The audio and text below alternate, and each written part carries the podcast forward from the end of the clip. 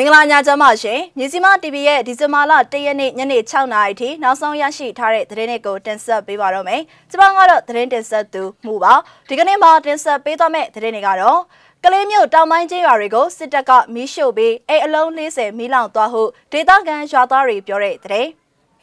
စစ်ကောင်စီထောက်တိုင်တွေကို73ချိန်တိုက်ခိုက်ခဲ့ကြောင်းညောင်တုံး PDF ထုတ်ပြန်တဲ့သတင်း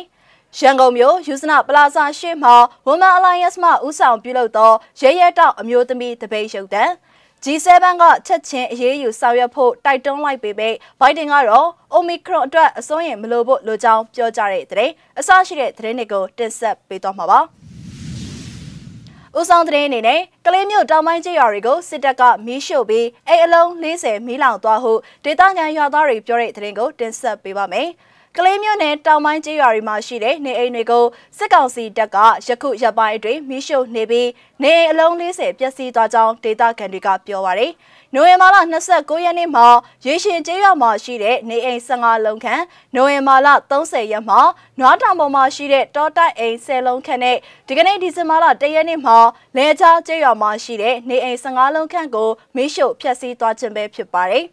ဒီကနေ့မနက်မှာကျွန်တော်တို့ရွာတိုင်ပိုင်းကနေမီးစာရှို့တာကိုခံရတယ်။ရွာသားတွေတော့အခုအကုန်ထွက်ပြေးနေရတယ်။မီးရှို့ခံရတဲ့အထက်မှာကျွန်တော်အိမ်လည်းပါတယ်ဗျ။ကျွန်တော်က PDF လည်းမဟုတ်ပါဘူး။ဒီနယ်ဘက်ကစစ်ရှောင်းတွေကိုကူညီနေတဲ့သူပါ။အခုရွာကိုလှမ်းမြင်နေရတယ်။မိခိုးတွေဦးနေတော့မယ်လို့လဲကြားရွာသားတဦးကပြောပါတယ်။အင်အားရန်ကုန်ရှိတဲ့စစ်ကောင်စီတပ်ကအဲ့ဒီရွာတွေကိုဝင်ရောက်မှွေနောက်မီးရှို့ဖျက်ဆီးနေခြင်းဖြစ်တယ်လို့ဒေသခံတွေကပြောပါတယ်။ ဒီကနေ့နေ့လယ်12နာရီမှာစစ်ကောင်စီတပ်သားတွေကကောက်ကိုကျေးရွာအတွင်းမှာဝင်ရောက်မီးရှို့နေတယ်လို့လည်း၎င်းတို့ကဆိုပါတယ်။အဲ့ဒီအကြမ်းဖက်စစ်ကောင်စီစစ်ကြောင်းမှာ တက်မ22ဒစိတ်တက်ဆင်ထားတဲ့တပ်ဖွဲ့တွေပါဝင်ကြောင်းကလေးပြည်သူကာကွယ်ရေးတပ်ဖွဲ့ကထုတ်ပြန်ထားပါတယ်။ပြည်သူကာကွယ်ရေးတပ်ကလေးတရင်3မှတက်ခွဲစခန်းတစ်ခုကိုနိုဝင်ဘာလလယ်မှာစစ်ကောင်စီတပ်ကဝင်ရောက်စီးနင်းပြီးတပ်ဖွဲ့ဝင်3ဦးကိုတပ်ဖြတ်က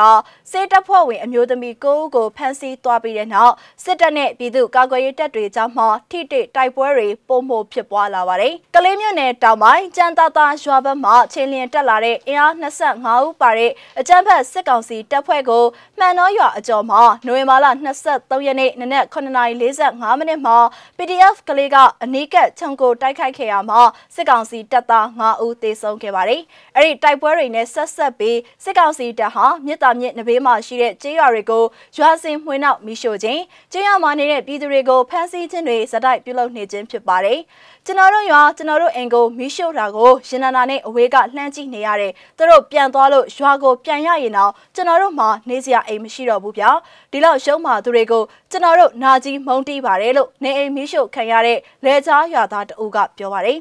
စစ်ကောင်စီတပ်သားတွေအဲ့ဒီလိုဝင်ရောက်မှွေနှောက်နေတဲ့အတွက်ကြောက်ဖို့ဒိုးနယ်အရှိစီအင်းကျွန်းရေရှင်ကုတ်ကိုလဲကြောင်ရှာတော်နွားရစတဲ့ကြေးရွာတွေကပြည်သူဥယေစုစုပေါင်းတသောဝန်းကျင်ခန့်ဟာဘေးကင်းရာကိုထွက်ပြေးတိမ်းရှောင်နေရတယ်လို့ဒေသခံတွေကခန့်မှန်းထားပါတယ်ရှင်။ဆက်လက်ပြီးစစ်ကောင်စီထောက်တိုင်တွေကို73ကြိမ်တိုက်ခိုက်ခဲ့ကြောင်းညောင်တုံး PDF ထုတ်ပြန်တဲ့သတင်းကိုတင်ဆက်ပေးပါမယ်။ AR တိုင်းညောင်လုံးမြို့ပြည်သူ့ကာကွယ်ရေးတပ်ဖွဲ့ MPDF ဖွဲ့စည်းပြီးတဲ့နောက်စစ်ကောင်စီထောက်တိုင်တွေကို73ကြိမ်ထိသတိပေးဖောက်ခွဲတိုက်ခိုက်ခဲ့ကြောင်း NPDF ကဒီကနေ့ဒီဇင်ဘာလ1ရက်နေ့မှာသတင်းထုတ်ပြန်ထားပါတယ်။ NPDF ကိုပြီးခဲ့တဲ့ဧပြီလ၁ရက်နေ့မှာစတင်ဖွဲ့စည်းခဲ့ပြီးအကြောင်းမျိုးမျိုးကြောင့်သတင်းထုတ်ပြန်နိုင်ခြင်းမရှိခဲ့ရမှာအခုပထမဦးဆုံးသတင်းထုတ်ပြန်ခဲ့ခြင်းဖြစ်ပါတယ်။ ကျွန်တော်တို့ဖွဲ့စည်းခဲ့တာကကြာပါပြီအကြောင်းမျိုးမျိုးကြောင့်အခုမှသတင်းထုတ်ပြန်တာပါဖွဲ့စည်းပြီးချိန်ကစပြီးမြို့နယ်အတွင်းကစစ်ကောင်စီတောက်တိုင်တွေနေရာတွေမှာ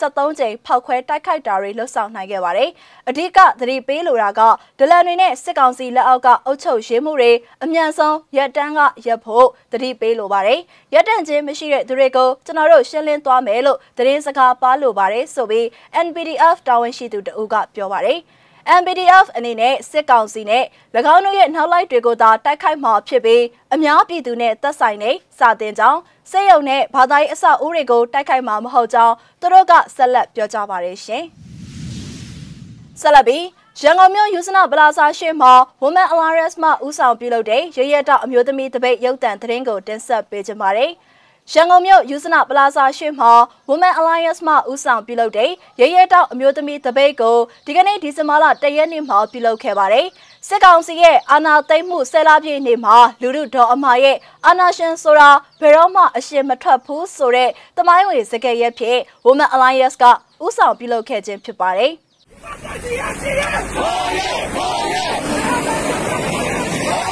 အောင်ရ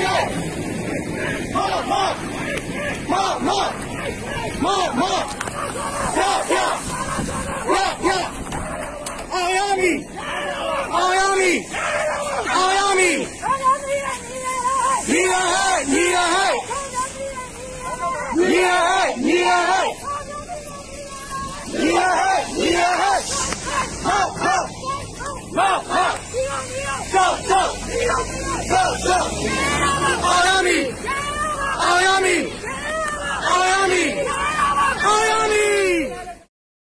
စစ်ကောင်စီရဲ့အာဏာသိမ်းမှုဆယ်လပြည့်တဲ့နေ့မှာလူလူဒေါ်အမာရဲ့အာဏာရှင်ဆိုတာဘယ်တော့မှအရှင်မထွက်ဘူးဆိုတဲ့သမိုင်းဝင်စကားရက်ဖြင့် Women Alliance ကဥဆောင်ပြုလုပ်ခဲ့ကြခြင်းဖြစ်ပါတယ်။ဒါအပြင်အမျိုးသမီးများဖိနှိပ်ခံရမှုနဲ့ဆက်လျင်းပြီး Orange the Wall Campaign အနေနဲ့လက်မှာလိမ္မော်ရောင်ဖဲကြိုးတွေချီကကြွေးကြော်တန်နေတဲ့အတူချီတက်ဆန္ဒပြခဲ့ကြပါတယ်ရှင်။နောက်ဆုံးသတင်းအနေနဲ့ G7 ကချက်ချင်းအရေးယူဆောင်ရွက်ဖို့တိုက်တွန်းလိုက်ပေမယ့်ဘိုင်ဒန်ကတော့ Omicron အတွက်အစိုးရိမ်မလွန်ဖို့လိုကြောင်းပြောကြားတဲ့သတင်းကိုတင်ဆက်ပေးကြပါမယ်။သတင်းအပြည့်စုံကိုတော့ရုပ်သံဖိုင်မှာရှုစားကြည့်ပါအောင်ရှင်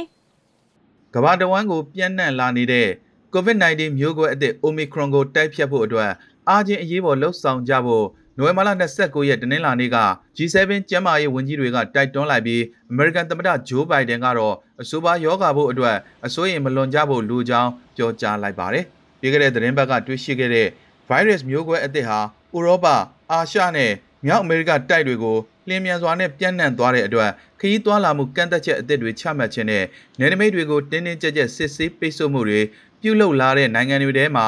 ဩစတြေးလျနဲ့ဂျပန်နိုင်ငံတွေကဥဆောင်နေပါတယ်။ ဒါပေမဲ့ဘိုင်ဒန်ကတော့ Omicron ကြောင့်အခုလိုအချိန်မှာပိတ်ဆို့မှုအသစ်တွေနဲ့ခရီးသွားလာမှုကန့်သက်ချက်တွေကိုတက်တန်းတိုးဖို့ကြိုတင်လှုံ့ဆော်ဖို့မရှိသေးကြောင်းအမေရိကန်တွေကိုပြောကြားထားပါတယ်။ Omicron ကြောင့်သေဆုံးမှုသတင်းထွက်ပေါ်မလာသေးသလို COVID-19 ပထမဆုံးလူနာကိုစတွေ့ပြီးနောက်နှစ်နှစ်နီးပါးအကြာထိအောင် COVID-19 ကူးစက်ခံနေရဆဲဖြစ်တဲ့ကမ္ဘာမှာ အသစ်ပေါ်လာတဲ့ဒီမျိုးကွဲသစ်ကဘလောက်ကူးစက်နိုင်တယ်ဆိုတာနဲ့ကာကွယ်ဆေးတိုးမတိုးဆိုတာတွေကိုရှင်းရှင်းလင်းလင်းမသိရသေးပါဘူး။လက်တလုံးမှာတော့အထူးသဖြင့်အနောက်ဥရောပရှိအစိုးရအများပြားဟာယောဂအရှိန်အဟုန်နဲ့ကူးစက်မှုကိုကြုံတွေ့နေရပြီးမဖြစ်မနေ max ဝစ်ဆင်ခြင်း social distancing နေထိုင်ခြင်းညမထွက်ရနဲ့ lockdown များပြုလုပ်ခြင်းတွေကမန်းကရန်လှုပ်ဆောင်လာကြတဲ့အတွက်စီးပွားရေးလုပ်ငန်းတွေအနေနဲ့နောက်ထပ်ဆိုးဝါးလာတဲ့ခရစ်စမတ်ကာလကိုကြုံတွေ့ရမှာစိုးရိမ်နေပါတယ်။အရေးပေါ်ဆွေးနွေးပွဲအပြီးမှာ COVID-19 မျိုးကွဲသစ်ရဲ့ကနဦးအကဲဖြတ်မှုမှာချင်းချောက်မှုအသစ်တစ်ခုနဲ့ရင်ဆိုင်နေရကြောင်းတွေ့ရှိရတဲ့အတွက်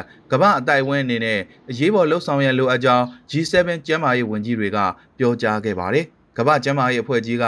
Omicron ရဲ့အန္တရာယ်ရှိမှုအလွန်မြင့်မားကြောင်းပြောကြားခဲ့ပြီးကြီးမားတဲ့အရှိန်အဟုန်နဲ့ကျန်းမာရေးစနစ်အပေါ်ကိုဖိအားဖြစ်စေနိုင်တဲ့အတွက်သေဆုံးမှုပိုများလာနိုင်ကြောင်းသတိပေးထားပါတယ်။ ဒါပေမဲ့ Omicron နဲ့ပတ်သက်ပြီးအချက်ပေးခေါင်းလောင်းထိုးခဲ့တဲ့တောင်အာဖရိကဆရာဝန် Angelis Kozi ကသူမတွေ့ရတဲ့ယောဂကူးစက်မှုတွေဟာအကြမ်းမျိုးကွဲတွေထက်ယောဂလက္ခဏာတွေပိုမိုပျော့ပြောင်းနေတယ်လို့ဆိုပါတယ်။ American အနေနဲ့ Omicron ရဲ့ပြန့်နှံ့မှုကိုထိန်းချုပ်နိုင်ဖို့ကောင်းမွန်တဲ့အနေအထားမှာရှိတယ်လို့ Biden ကအလေးပေးပြောကြားခဲ့ပါတယ်။ဒီအချိန်ကျွန်တော်တို့မှာအရင်ကတည်းကစာရင်မျိုးကွဲကိုတိုက်ဖြတ်ဖို့လက်နက်ကိရိယာတွေပိုရှိနေပါပြီလို့ Biden ရဲ့စေဘက်ဆိုင်ရာအကြံပေးအရာရှိ အန်တိုနီဖော်စီကပြောဆိုလိုက်ပြီးလက်ရှိကာကွယ်ဆေးတွေကိုအကျဉ်းရတိုးမြင့်ထိုးနှံခြင်းအပြင်မျိုးကွဲသစ်ကိုတိုက်ဖြတ်နိုင်လိမ့်မယ်လို့မျှော်လင့်ထားကြောင်း၎င်းကဆိုပါတယ်။